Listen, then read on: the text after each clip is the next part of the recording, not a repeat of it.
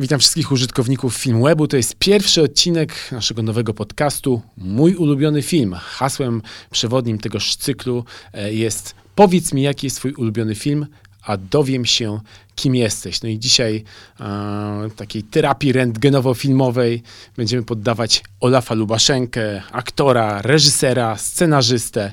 Dzień dobry. Dzień dobry, witam, kłaniam się i dziękuję za zaproszenie. Nie wiedziałem, że to pierwszy odcinek cyklu. To spora odpowiedzialność. Dokładnie tak, ale wierzę, że będzie doskonale. No dobrze, to jaki film wybrał pan do dzisiejszego odcinka? Mhm. Mam ich sporo. Może teraz, zanim e, dojdziemy do tego tytułu, który dzisiaj będziemy pewnie rozbierać, chociaż troszkę na czynniki e, pierwsze, to powiem o tych filmach z, z dorobku światowej kinematografii, które są mi najbliższe. Taką pierwszą wielką fascynacją było dawno temu w Ameryce Sergio Leone. E, coś, coś mnie tam niezwykle urzekło, chociaż wiąże się z tym taka mrożąca trochę krew w żyła anegdota. Oglądałem ten film w kinie Skarpa pierwszy raz i było tylko jedno wolne miejsce w ostatnim rzędzie. Nade mną wisiał reflektor, który miał oświetlać premiery zapewne na scenie.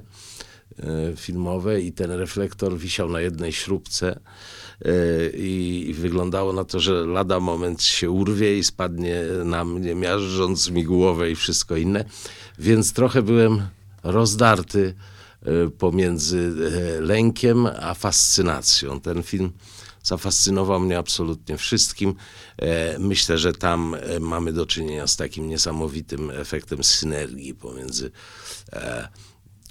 treścią, czyli scenariuszem, pomiędzy aktorstwem, reżyserią, muzyką, zdjęciami, kostiumami, scenografią. To jest e, no, moim zdaniem arcydzieło e, światowej kinematografii. Później zresztą idąc tropem tego reżysera trafiłem na inny film, który jest równie fascynujący, to jest dawno temu na Dzikim Zachodzie. Tam, e, tam też jest Henry Fonda pięknie, tak, w jedynej, w jedynej swojej e, negatywnej roli w życiu, negatywnej postaci.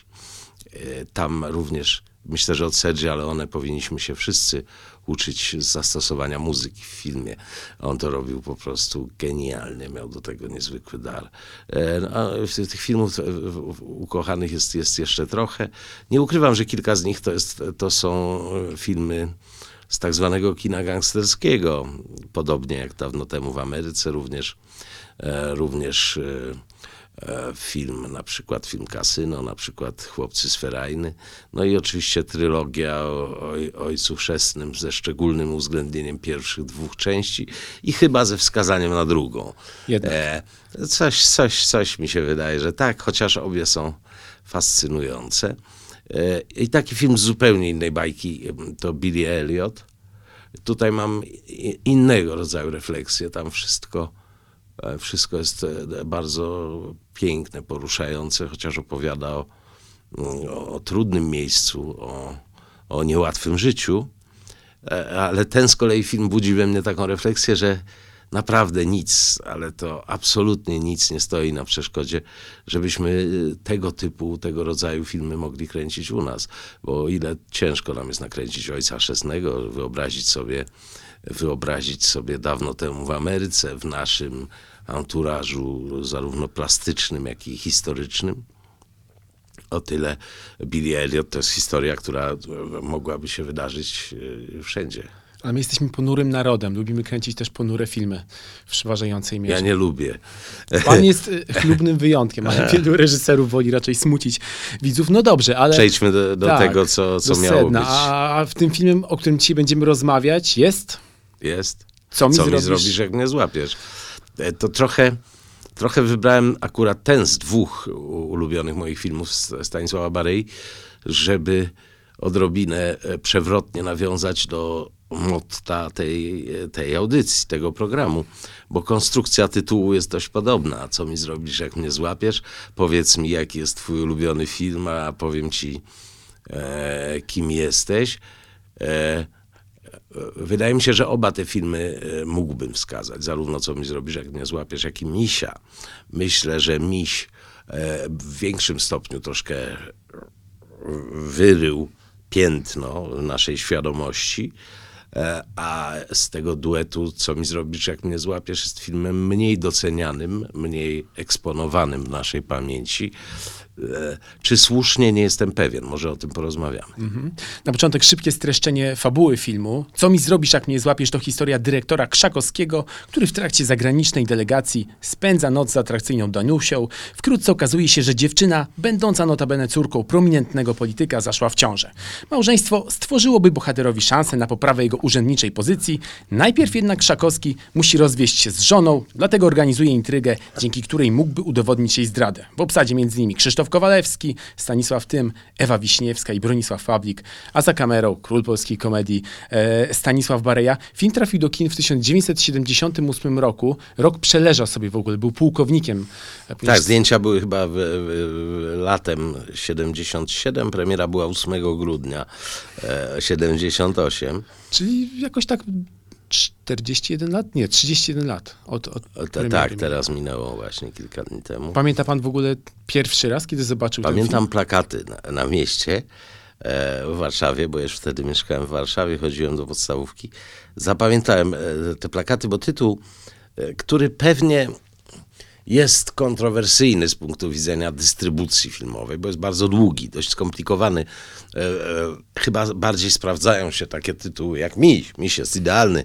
E, trzy litery i takie, które trudno pomylić e, z, z czymś innym.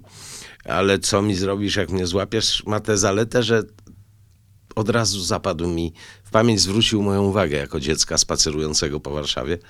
E, Być może w Atlantiku, być może w Palladium, być może w, w Relaksie. Dwóch z tych kin już nie ma. W jednym jest scena, w drugim nie wiem co, a w trzecim jeszcze się wyświetla filmy. E, To też taki element wspomnieniowy. Film chyba zobaczyłem mm, dopiero w telewizji. I tak jak z kilkoma innymi filmami Stanisława Barei i, i z wieloma filmi, filmami w ogóle, podobnie zresztą jest z książkami, e, zupełnie co innego rozumiałem wtedy, kiedy widziałem go pierwszy raz, zupełnie co innego po kilku latach, e, a zupełnie co innego widzę w tym filmie teraz. Wydaje mi się, że dziś patrzę i na co mi zrobisz, jak mnie złapiesz, i na misia e, z takiej perspektywy e, etyczno-moralnej, co jak wiemy było bardzo ważne dla Stanisława Barei, zarówno jako drogowskaz, pewien jego kręgosłup moralny, czy życiowy właśnie drogowskaz, e, ale też właśnie dotykał tego, dotykał tego w swoich filmach i celowo wyróżniam te dwa filmy z całej jego twórczości, bo e, to jest ten etap, e, na którym e, on już wszedł na poziom moralitetu. To jest to, co, co wydaje mi się najważniejsze w tych obu filmach. Będę często mówił o obu tych filmach, bo one w zasadzie dotyczą tego samego. One w zasadzie dotyczą tego samego. E, Myślę, że możemy porozmawiać o tym, czego, jeśli właśnie. to jest ten moment, ale czekam z pokorą na pytanie. No właśnie, bo ten film z jednej strony jest o absurdach PRL-u, ale z drugiej strony jest chyba przede wszystkim opowieścią o ludziach, którzy nie mają problemu z tym, żeby się uświnić e, w imię kariery. I pytanie, na ile zachowanie bohaterów, pana zdaniem, jest efektem funkcjonowania w, w tym zgniłym socjalizmie, a na ile wynika po prostu z ich charakterów. Bo takimi są ludźmi w każdym innym ustroju e, zachowywali się, zachowy, zachowywaliby się dokładnie tak samo. Myślę, że te dwie rzeczy bardzo trudno od siebie oddzielić. E, I trudno procentowo określić, w jakim stopniu wpływ na to miał sprzyjający temu niewątpliwie system, a w jakim stopniu mm, ich predyspozycje tych ludzi. Wydaje mi się, że e, jednak to są filmy przede wszystkim dotyczące y, świata, a- w mniejszym stopniu psychologii. E, To, to jest moja refleksja na temat tych dwóch filmów. E, e, Oczywiście powiedziałby ktoś, że bez psychologii nie da się zrobić dobrego filmu, bez wchodzenia głęboko w psychikę bohaterów, ale moim zdaniem czasami to się udaje i Stanisław Bareja był jednym z nielicznych, którym się to, e, którym się to udawało, bo zarówno co mi zrobisz, jak mnie złapiesz, jak i miś, pokazują e, rzeczywistość, e, rzeczywistość kaleką, absolutnie, absolutnie chorą, e, nie, nienormalną, w której e, powstaje e, bardzo sprzyjające środowisko do tego, żeby szumowiny, gnidy, kanalie, e, kłamcy i karierowicze wypływali na wierzch, przytapiając tych uczciwych ludzi, którzy nie mają siły przebicia, którzy nie potrafią, nie potrafią tak żyć. Proszę zwrócić uwagę na dwa elementy. One mają pewien związek z tym, co mówię, i być może pokazują też pewną ewolucję, jaką przechodził Stanisław Bareja. E, I tu warto będzie wspomnieć o czasie, kiedy oba filmy powstawały. E, co mi zrobisz, jak nie złapiesz? Zakończenie jest raczej dla mnie, z mojego punktu widzenia, gorzkie i pesymistyczne. Tam jest ta świnia. Świnia, która mówi, co mi zrobisz, jak mnie złapiesz. W misiu, w misiu mamy kukłę, która wpada do jeziorka. Zresztą jeziorka na woli, e, na Pulczyńskiej, o, obok którego często przejeżdżamy, dojeżdżając do autostrady, e, nie, nie wiedząc nawet o tym, że to tam. Ja zawsze się wzruszam, od kiedy wiem. E, w misiu to zakończenie mimo że też jest gorzkie, mimo że też ta stajenka, e, ten żłóbek, e, ci, mm, ci e, ludzie, którzy śpiewają kolendę, czyli Ewa Bem i jej muzycy, to wszystko jest takie, takie biedne, takie żałosne, można nawet powiedzieć, to jednak tam przebija się silna, silna nuta optymizmu. Monolog węglarza, granego przez Stefana Śródkę, który, który mówi o tym, że tradycją nie można niczego e, nazwać, ani us, uchwałą specjalną e, zarządzić, jest e, monologiem o wartościach, o bardzo ważnych wartościach, o, o pewnym e, e, kręgosłupie moralnym, o tym, co nas konstytuuje. E, I tu mała dygresja, za, ten, za to zakończenie Stanisław Bareja był szczególnie tępiony i krytykowany. E, Czyli być może na zrozumienie tego rodzaju zabiegów i, i, myśli potrzeba po prostu czasu. Wtedy, wtedy współcześnie był za to mocno krytykowany. Co mi zrobisz, jak nie złapiesz? E, Kończy się pesymistycznie, moim zdaniem gorzko. I to trochę odzwierciedla e, czas, w którym powstawały te filmy, bo to jest 77 rok, czyli czas, w którym no dobra, po- popłyńmy trochę historycznie. Wojska radzieckie jeszcze nie wkroczyły do Afganistanu. Wydawało się, że system, e, chociaż jest chory, to będzie trwał nie wiadomo jak długo, prawda? Więc e, mogło się wydawać twórcom wówczas, że, e, że nadzieja jest znikoma, że być może już zawsze za ich życia e, będziemy żyć w tym kłamstwie i w świecie zdominowanym przez, przez kanalię. A Miś powstawał w roku, e, dwa lata później, e, czyli moim zdaniem w 80. Tak, tak, tak. tak.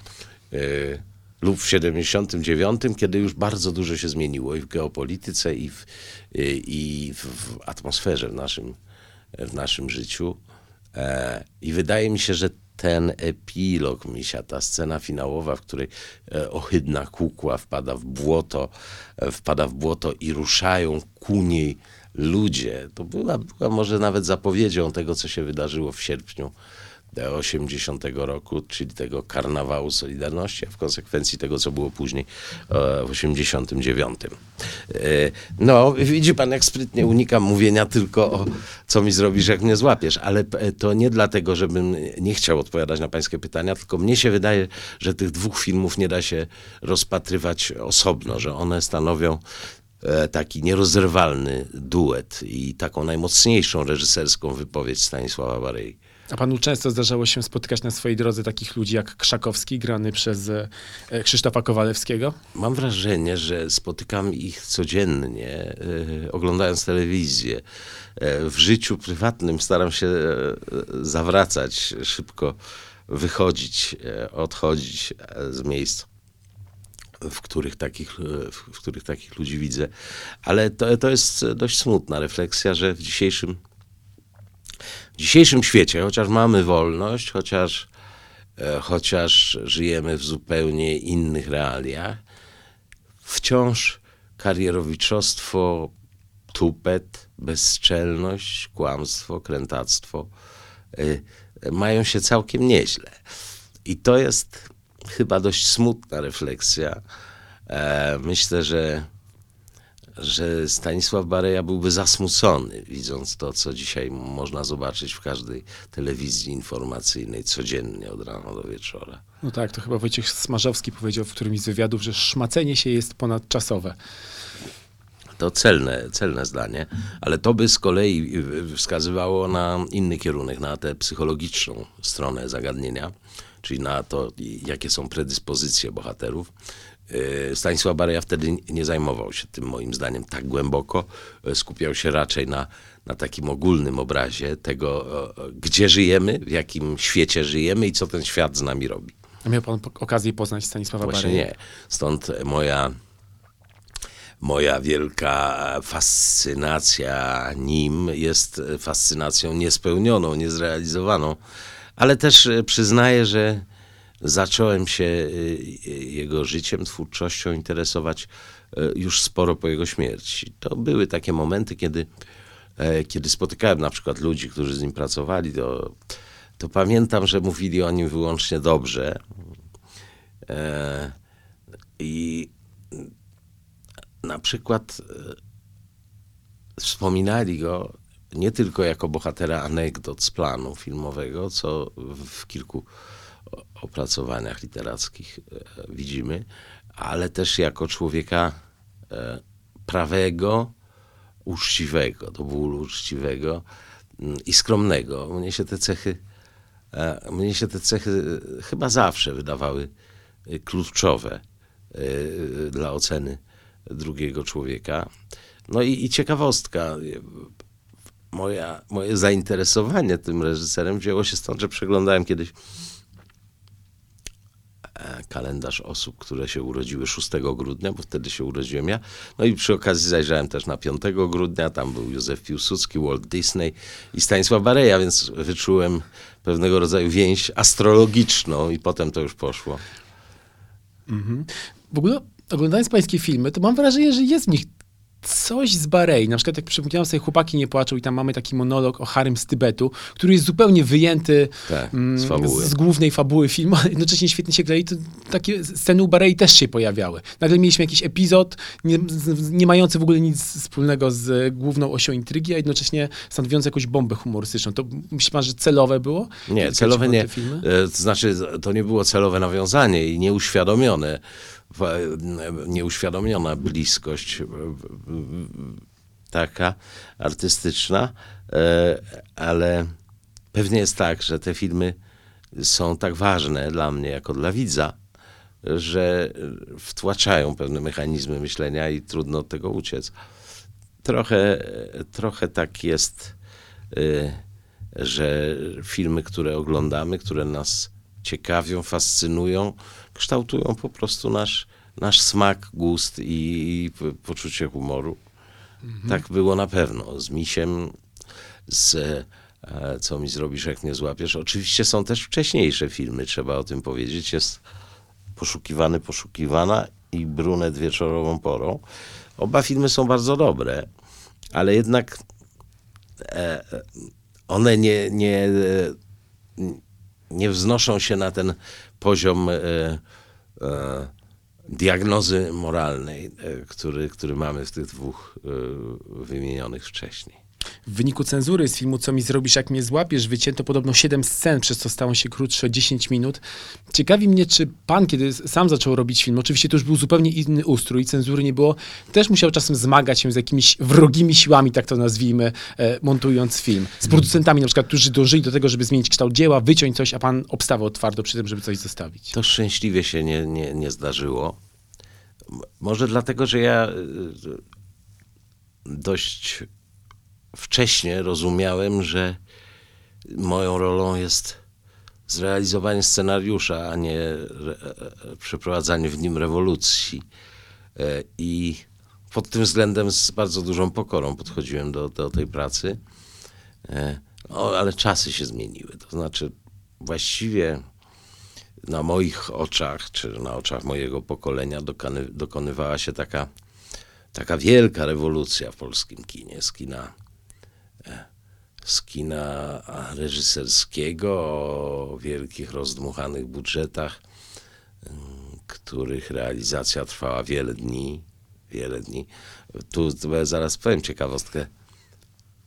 Stanisław Bareja, chyba właśnie Co mi zrobisz, jak mnie złapiesz, albo któryś z tych późniejszych filmów swoich, czyli z tych z lat 70., realizował 57 dni zdjęciowych i to było uznawane za rekordowo szybko.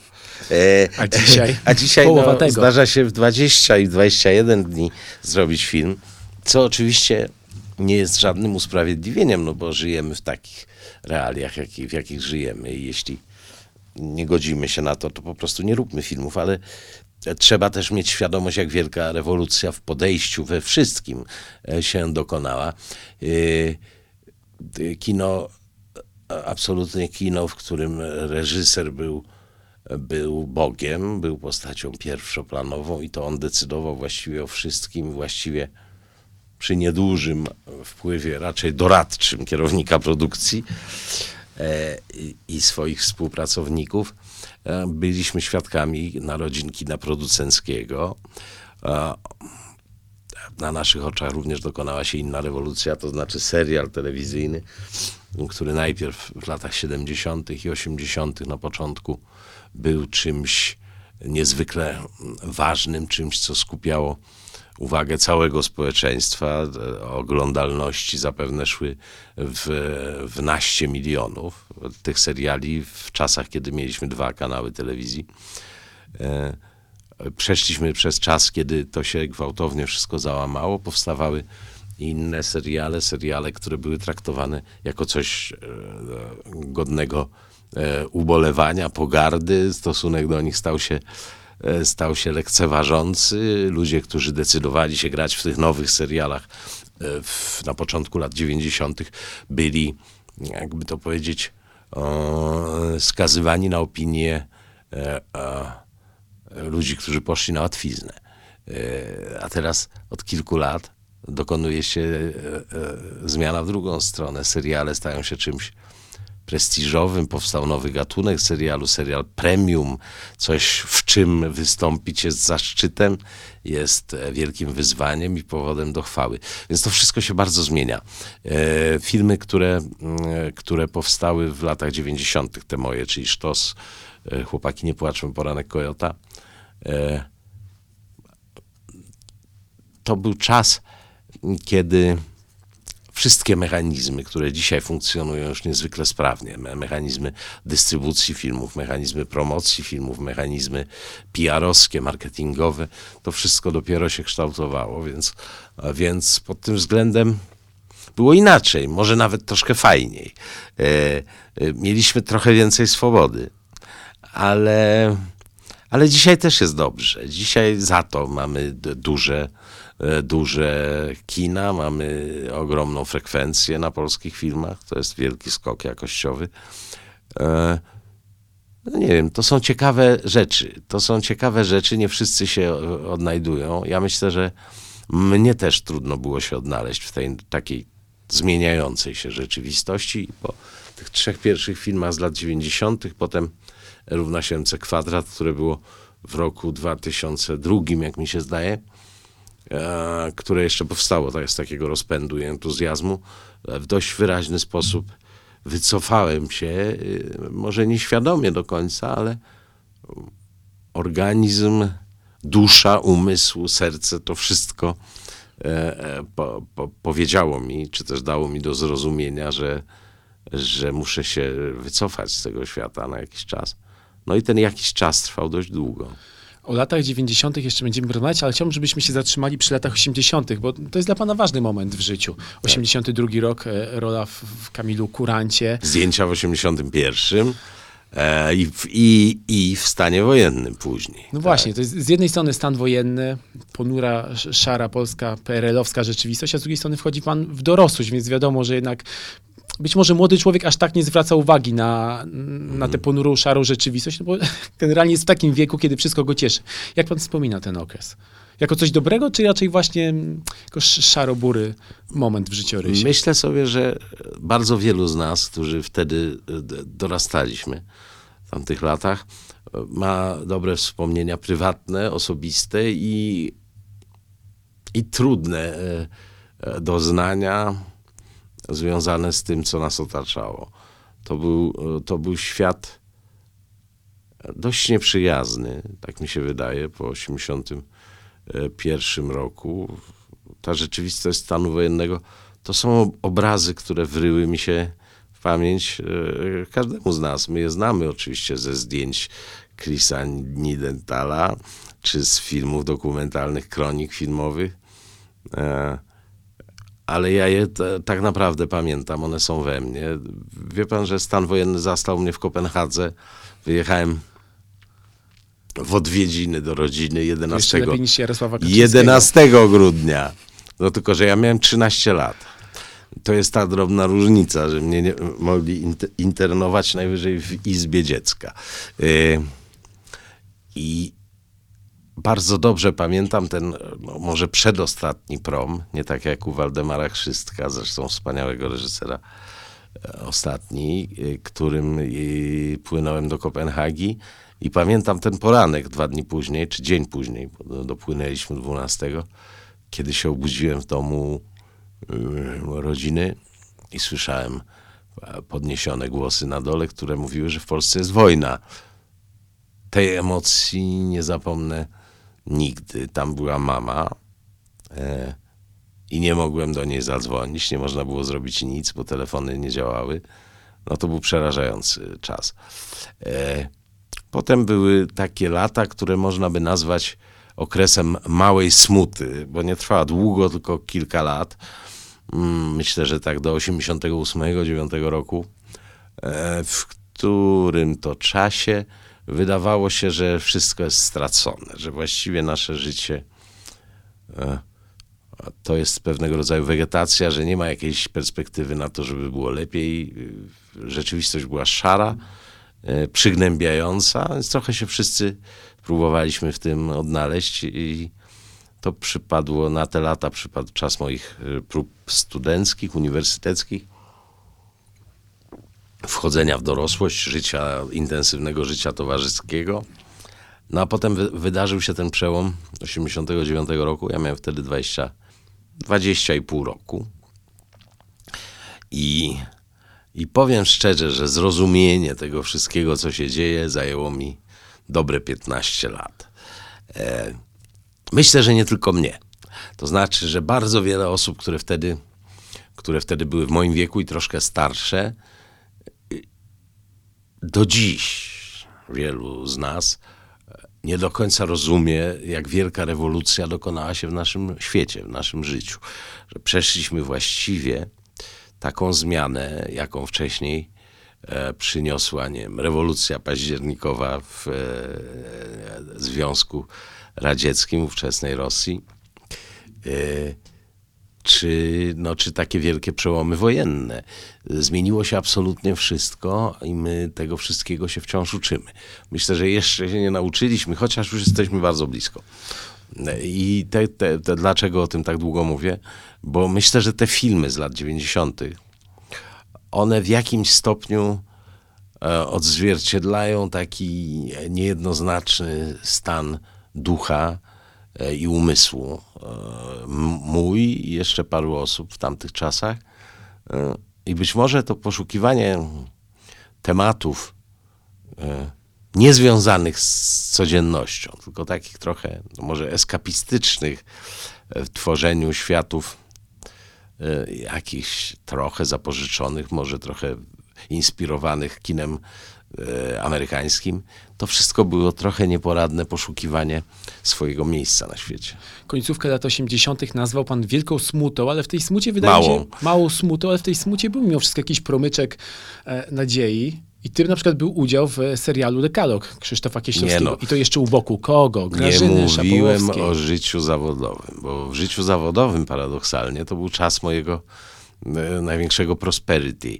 E, tam właściwie schodziłem e, z jednego planu i jechałem od razu na drugi. Działo się strasznie dużo i znowu za dużo.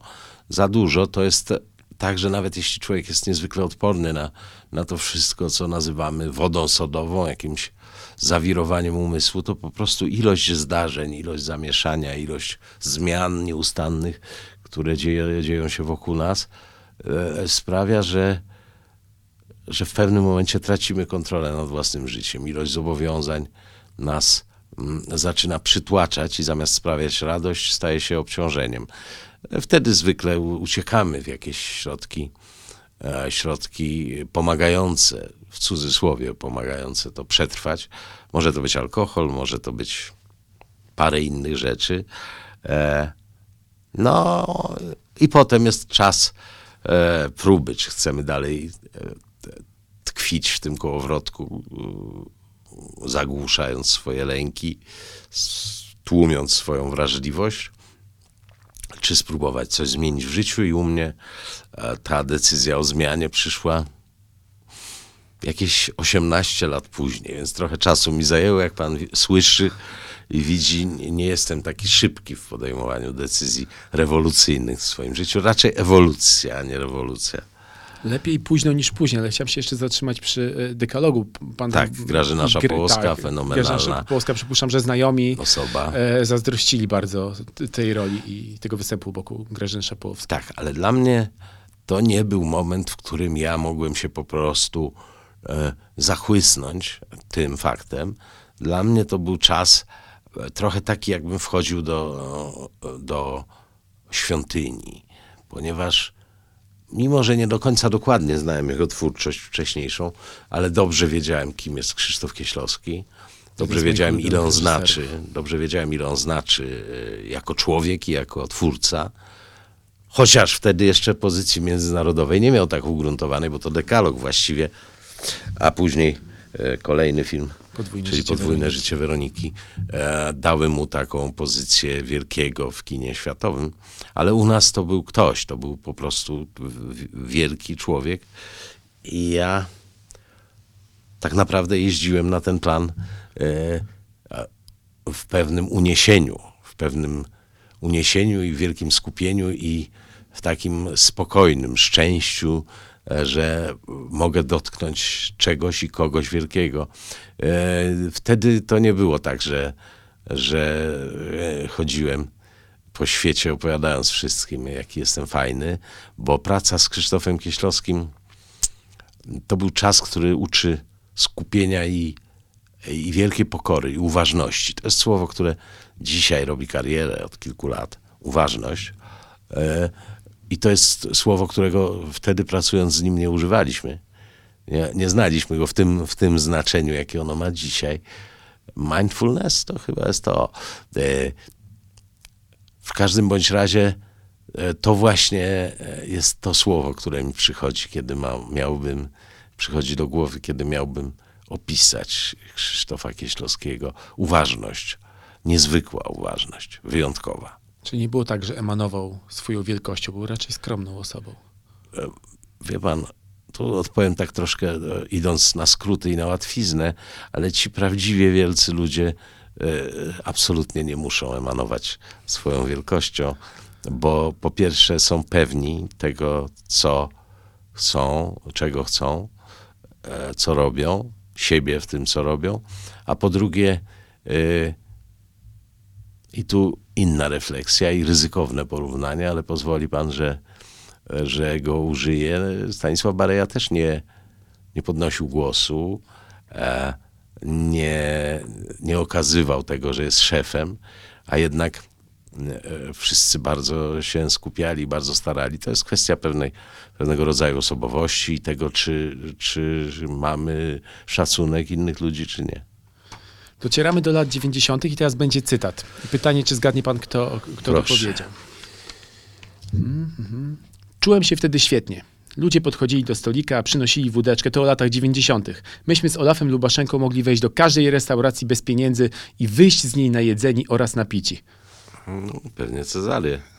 Potwierdza pan, że rzeczywiście można było wejść do każdej restauracji w latach Nie, pan, 90. To jest forma literacka, to jest, to jest beletrystyka. W niej stosujemy często skróty e, myślowe oraz mechanizm hiperboli, e, w której, w której e, musimy coś prze, przerysować, przejaskrawić, żeby to działało.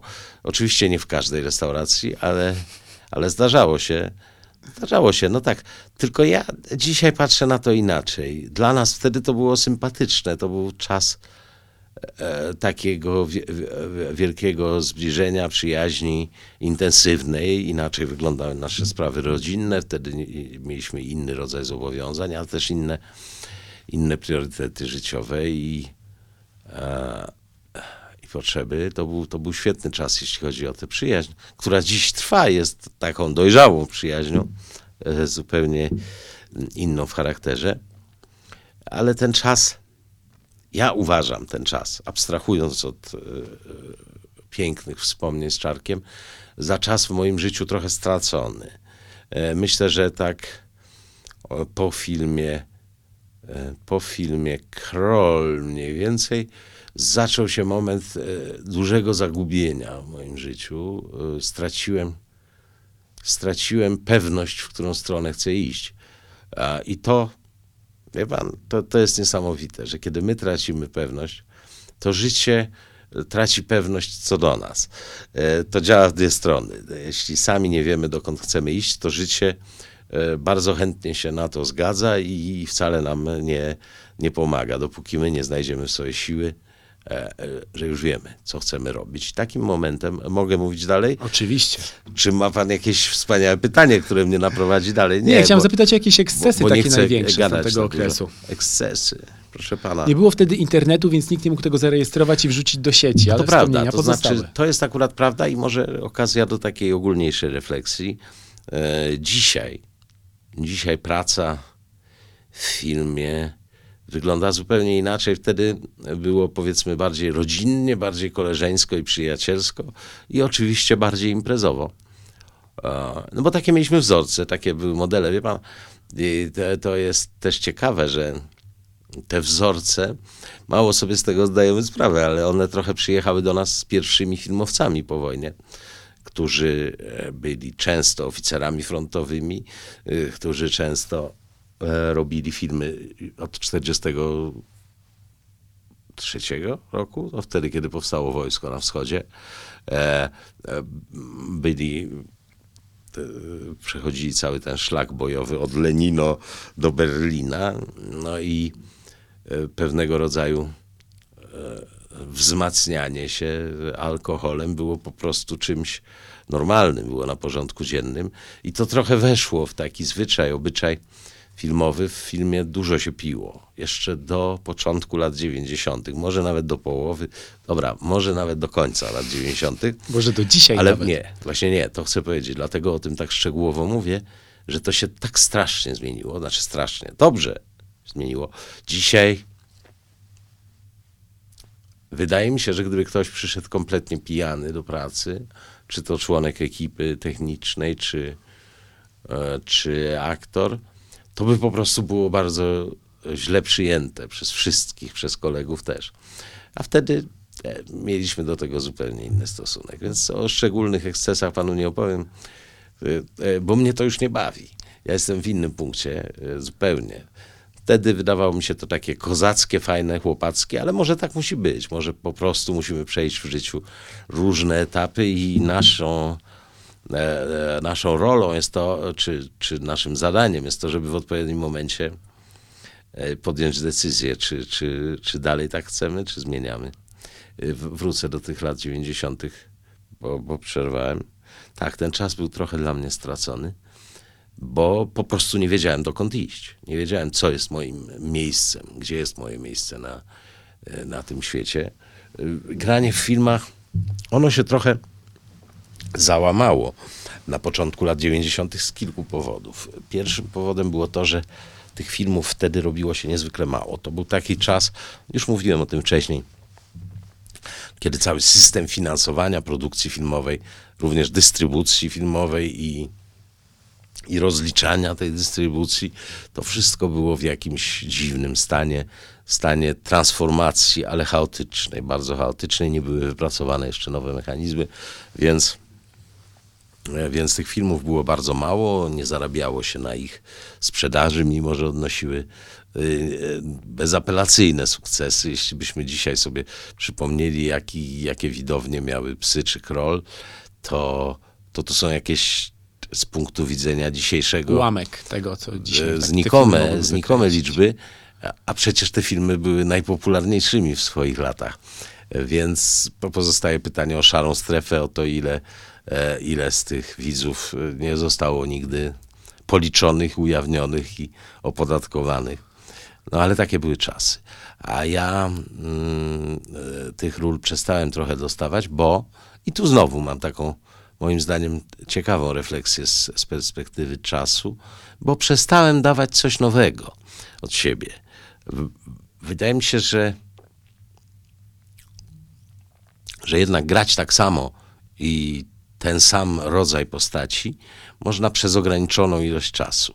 E, We mnie nie było e, zmiany.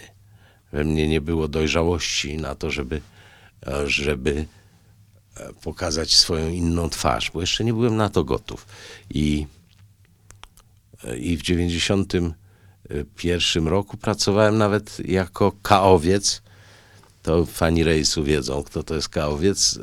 w kawiarni Niespodzianka. To była taka kawiarnia e, związana z Solidarnością. 89-90 rok to było poszukiwanie moich, moje poszukiwanie dróg życiowych. Również takim etapem była praca w Fundacji Batorego, gdzie pracowałem na stanowisku biurowym, zdecydowanie, nie, nie kierowniczym. E, A potem pojawił się musical Metro zupełnie z dnia na dzień, który zajął mi ze dwa lub trzy lata intensywnie, bardzo, bo graliśmy tego dużo i z wielką, z wielką fajną emocją. E, I w tym czasie e, e, zdarzyło mi się coś, co stało się pewnym drogowskazem albo przynajmniej bodźcem.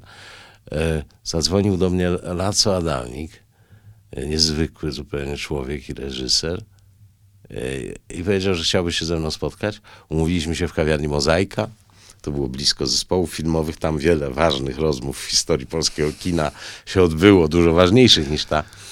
E, I powiedział, że ma rolę e, w teatrze telewizji, ale ta rola wymaga, żebym się naprawdę poważnie do niej przygotował. I to nie jest rola dla gówniarza, tylko dla e, aktora, który chce być aktorem i który traktuje ten zawód poważnie. To mnie bardzo ustawiło. Został pan postawiony do pionu. Tak. Y, To był ten drogowskaz, ten bodziec, ta ostroga. Y, To była rola Markiza Pozy w spektaklu Don Carlos, zresztą bardzo pięknym i plastycznie, i literacko. E, mm, Jest chyba w złotej setce teatru, telewizji. I, wtedy, wtedy, dokładnie wtedy, podczas prób do tego spektaklu, które trwały długo, to jeszcze był czas, kiedy się próbowało długo, yy, również teatry telewizji, parę tygodni, a potem w czasie realizacji, która też trwała długo, bo jakieś 10-11 dni, ja poczułem pierwszy raz coś takiego, że ilość włożonej energii, wysiłku, pracy jest wprost proporcjonalna do radości, jaką to przynosi, do satysfakcji. Myślę, że wtedy może nie stałem się aktorem dojrzałym, ale e, zacząłem chcieć nim być. E, i W tym sensie bardzo dużo zawdzięczam Laco Adamikowi. A jak było z reżyserią? A to był, to był taki pomysł, e, oczywiście niedojrzały, troszkę nieodpowiedzialny, e, nieprzemyślany. No, tak sobie mówiłem, mówiłem, że byłoby fajnie. A potem nagle okazało się, że mam szansę być asystentem Krzysztofa Kieślowskiego. W tej roli sprawdzałem się chyba średnio, ale, ale dużo się nauczyłem, bo dzięki temu mogłem dłużej po prostu być w orbicie oddziaływania Krzysztofa Kieślowskiego, po prostu chłonąć, nawet w nieuświadomiony sposób, jego mądrość, energię, jego uważność, o której już mówiłem. To był czas, który trwał pewnie około roku. Pracowaliśmy nad czterema częściami dekalogu wspólnie, jedynka, dwójka, trójka i dziesiątka. E, znam to na pamięć w środku nocy, mogę wyrecytować. E, no, mój wkład był e, oczywiście symboliczny, znikomy, no, taki jak młodego, początkującego asystenta reżysera, ale wiele mi to dało. Żeby nauczyć się filmu jako mechanizmu, również od, od tej strony realizacyjnej. Potem e, pan Andrzej Wajda zaprosił mnie do współpracy przy no niestety nie był to chyba, y, no na pewno nie był to jeden z jego najwybitniejszych filmów, ale to, to zupełnie inny styl pracy, ale też wielki, cudowny, niezwykły człowiek. Myślę, że y, to, to dużo mi dało w sensie wiarygodności dla tych, którzy potencjalnie mi, mieliby uwierzyć w to, że mogę reżyserować filmy.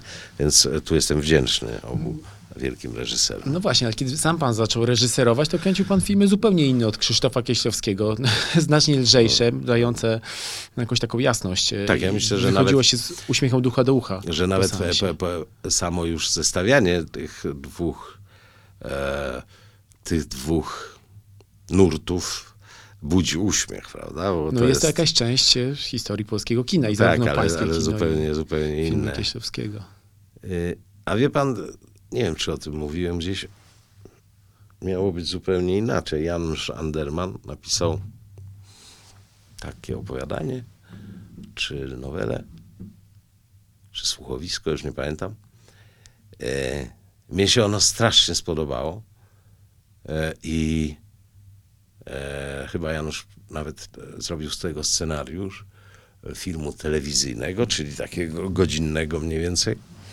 I to miała być pełna melancholii, y, tragiczno,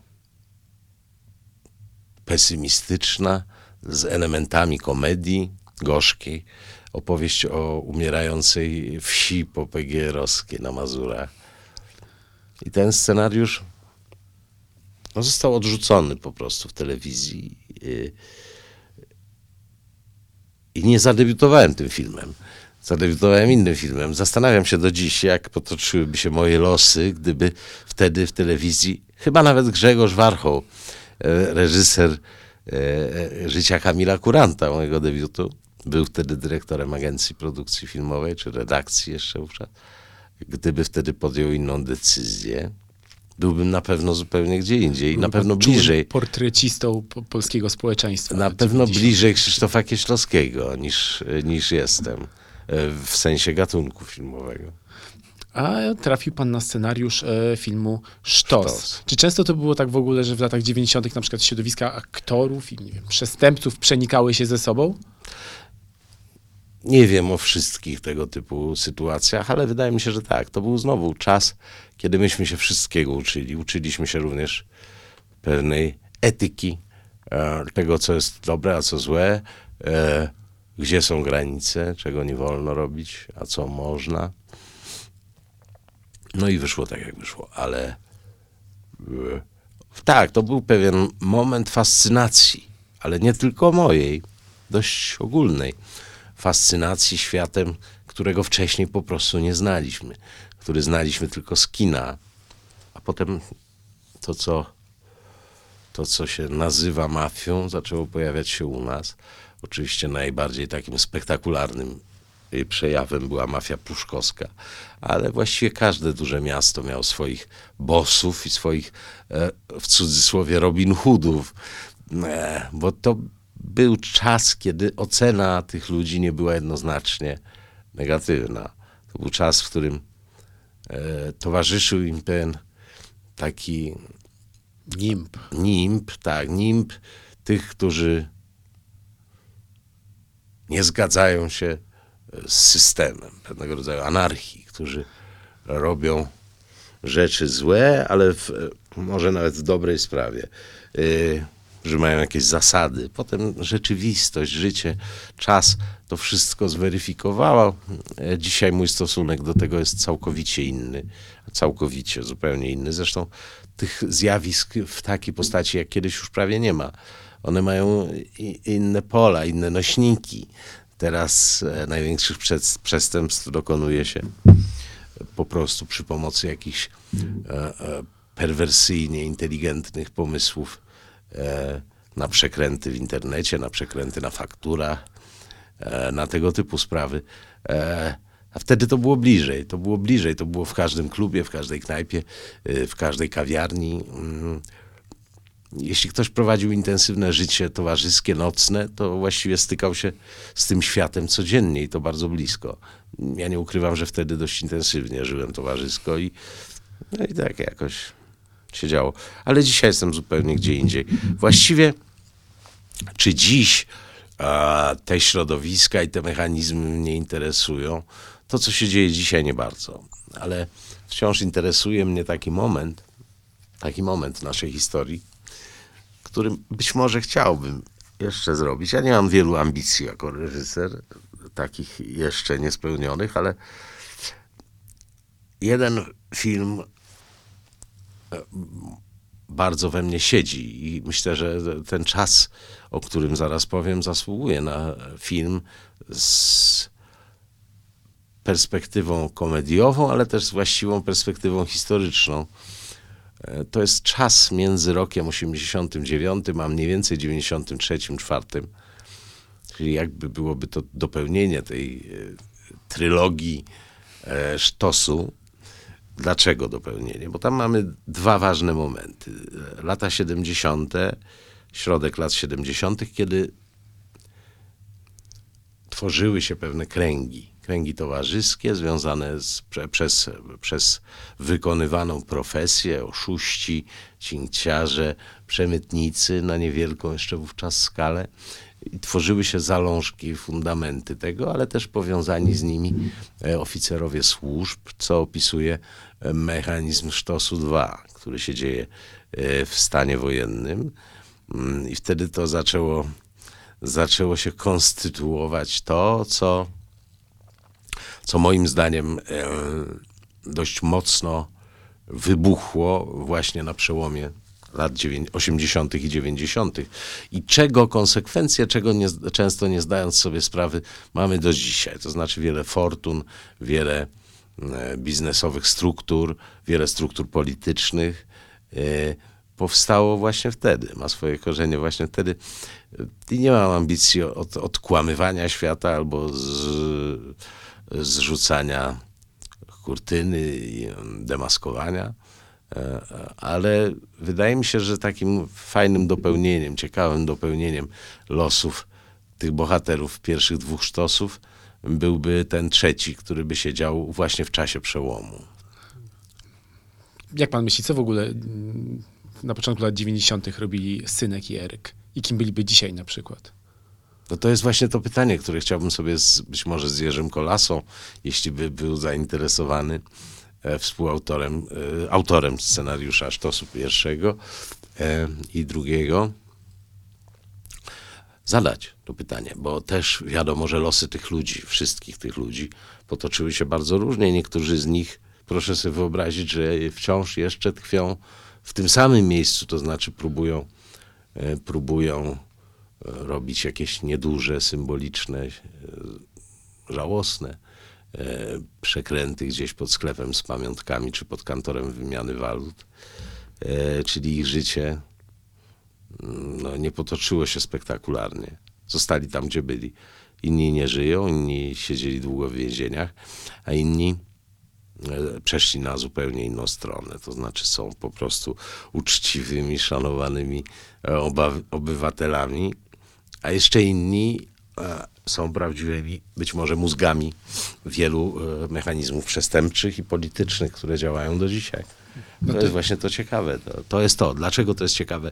Bo 89-93 mniej więcej to są lata, w których, jeszcze raz powtórzę, konstytuowało się to, co funkcjonuje do dzisiaj. Dlatego to jest takie. e, Czym skorupka za młodu. No może tak.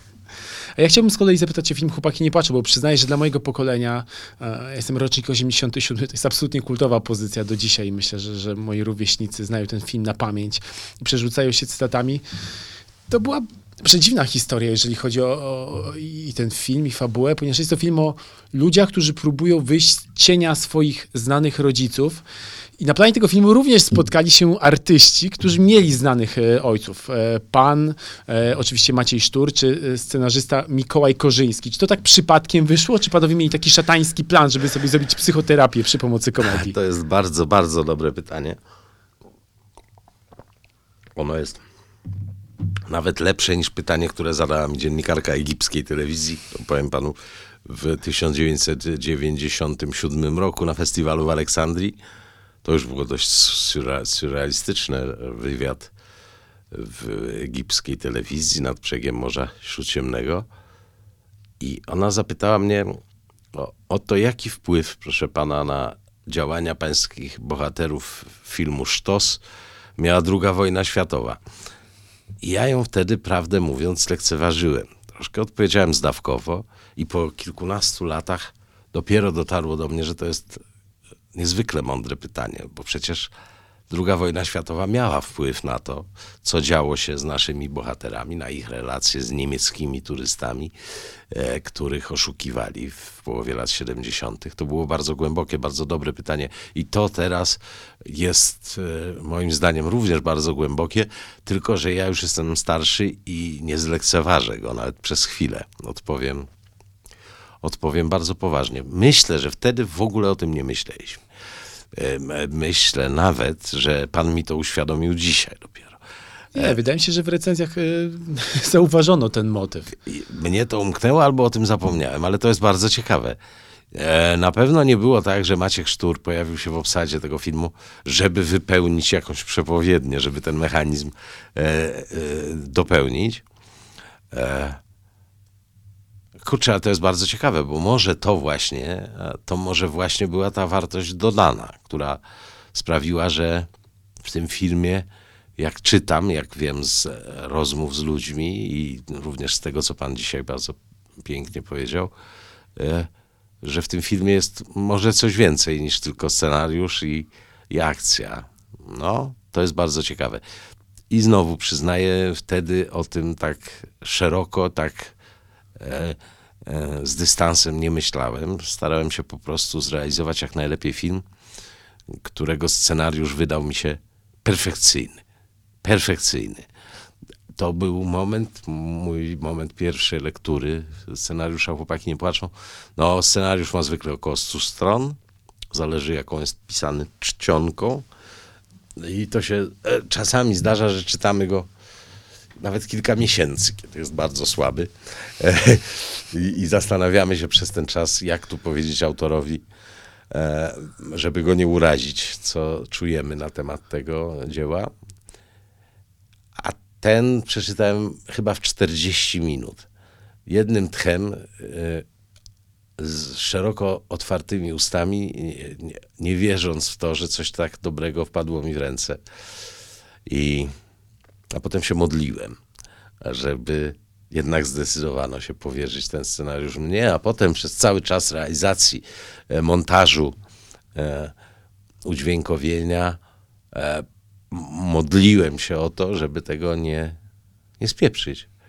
Bo wiedziałem, że mam w rękach coś, co jest, co jest wyjątkowe. I tu wielki ukłon w stronę Mikołaja Korzyńskiego, bo to jest często tak, że w jakichkolwiek komentarzach, omówieniach, recenzjach e, dzieła filmowego e, e, reżyser jest postacią pierwszoplanową, eksponowaną i on zbiera śmietankę. Jeśli jest coś do spijania, to, to właśnie na niego spływają za, zasługi.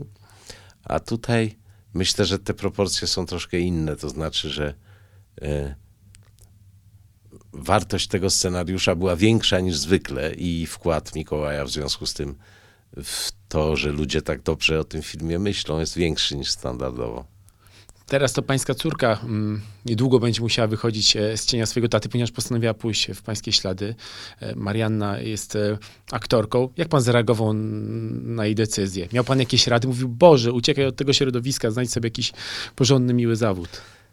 Czy może w drugą stronę? To raczej sobie mogłem pomyśleć i pewnie tak pomyślałem, e, bo wi- wielu z nas, wielu ludzi, patrząc na takie spektakularne profesje, na ich przedstawicieli, e, ulega pewnemu złudzeniu. To znaczy, my widzimy tych ludzi, którym udało się odnieść sukces, którzy są rozpoznawalni, którzy są popularni, którzy mają uznanie, którzy są obecni w spektakularnych, eksponowanych, e, prestiżowych projektach, a ciągle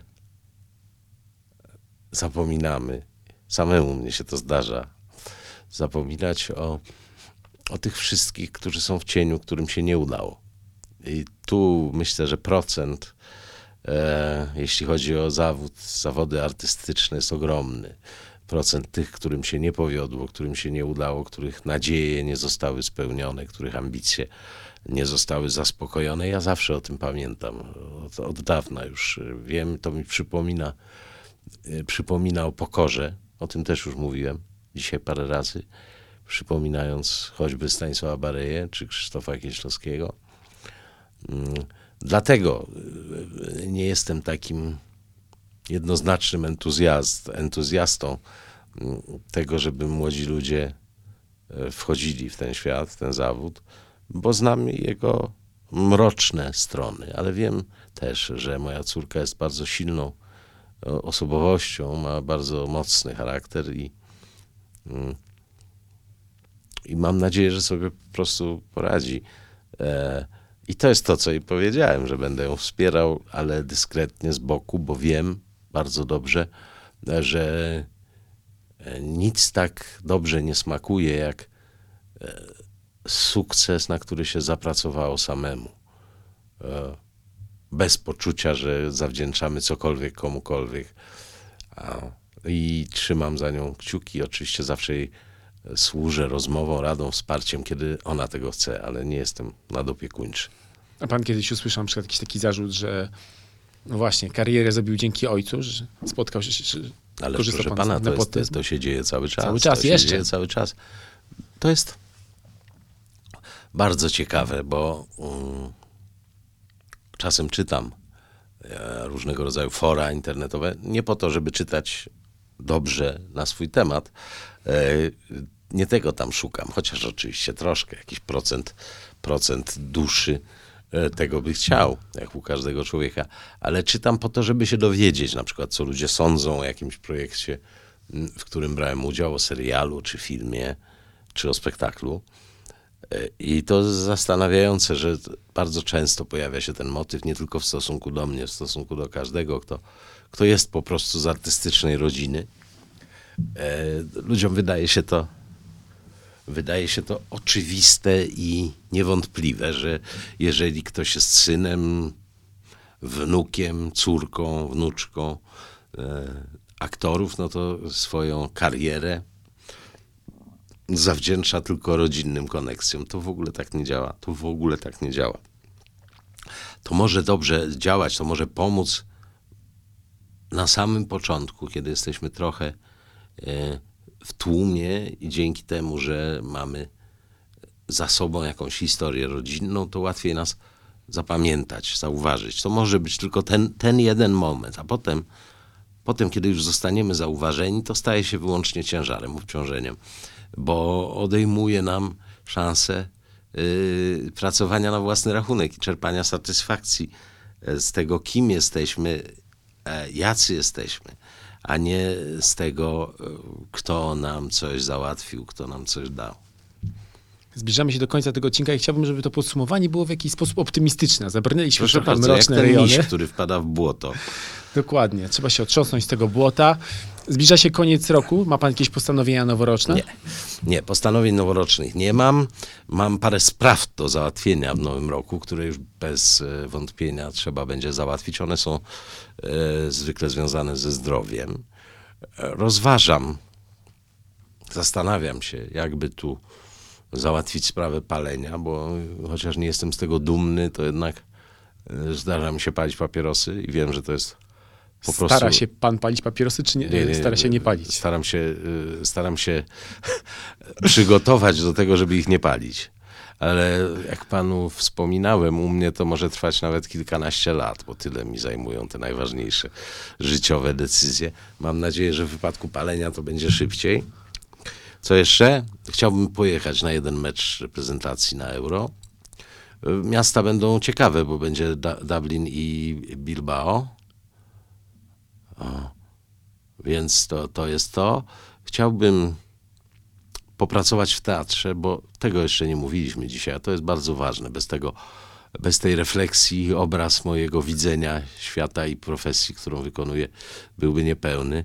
Teatr jest miejscem, które prawdziwie buduje aktora, które e, pomaga mu zdobywać pewność siebie, które, które tworzy jego podstawy, jego fundament.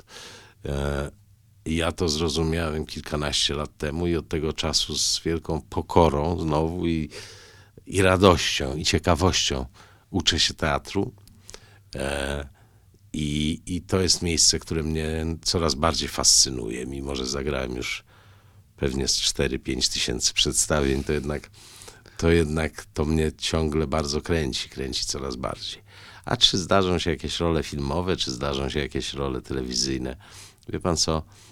Właśnie po to między innymi jest potrzebny teatr, żeby nie musieć o tym e, w panice, w drżeniu myśleć, żeby mieć solidny fundament, coś, gdzie jesteśmy, miejsce, gdzie jesteśmy potrzebni, gdzie możemy się e, co wieczór weryfikować e, i konfrontować z widownią i chłonąć jej energię, dając w zamian bardzo dużo. W takim razie życzę panu, aby w przyszłym roku było jak najwięcej takich momentów i sytuacji, które będą pana kręcić. Wszystkiego dobrego również państwu, no i trzymam kciuki za futro z misia, które wchodzi na ekrany. Mam nadzieję, że ten film rozbawi państwa i, i że przyniesie trochę uśmiechu e, w zimowe chłody. To był pierwszy odcinek podcastu Mój ulubiony film. Moim gościem był Olaf Lubaszenko. Dziękuję, Dziękuję bardzo. bardzo.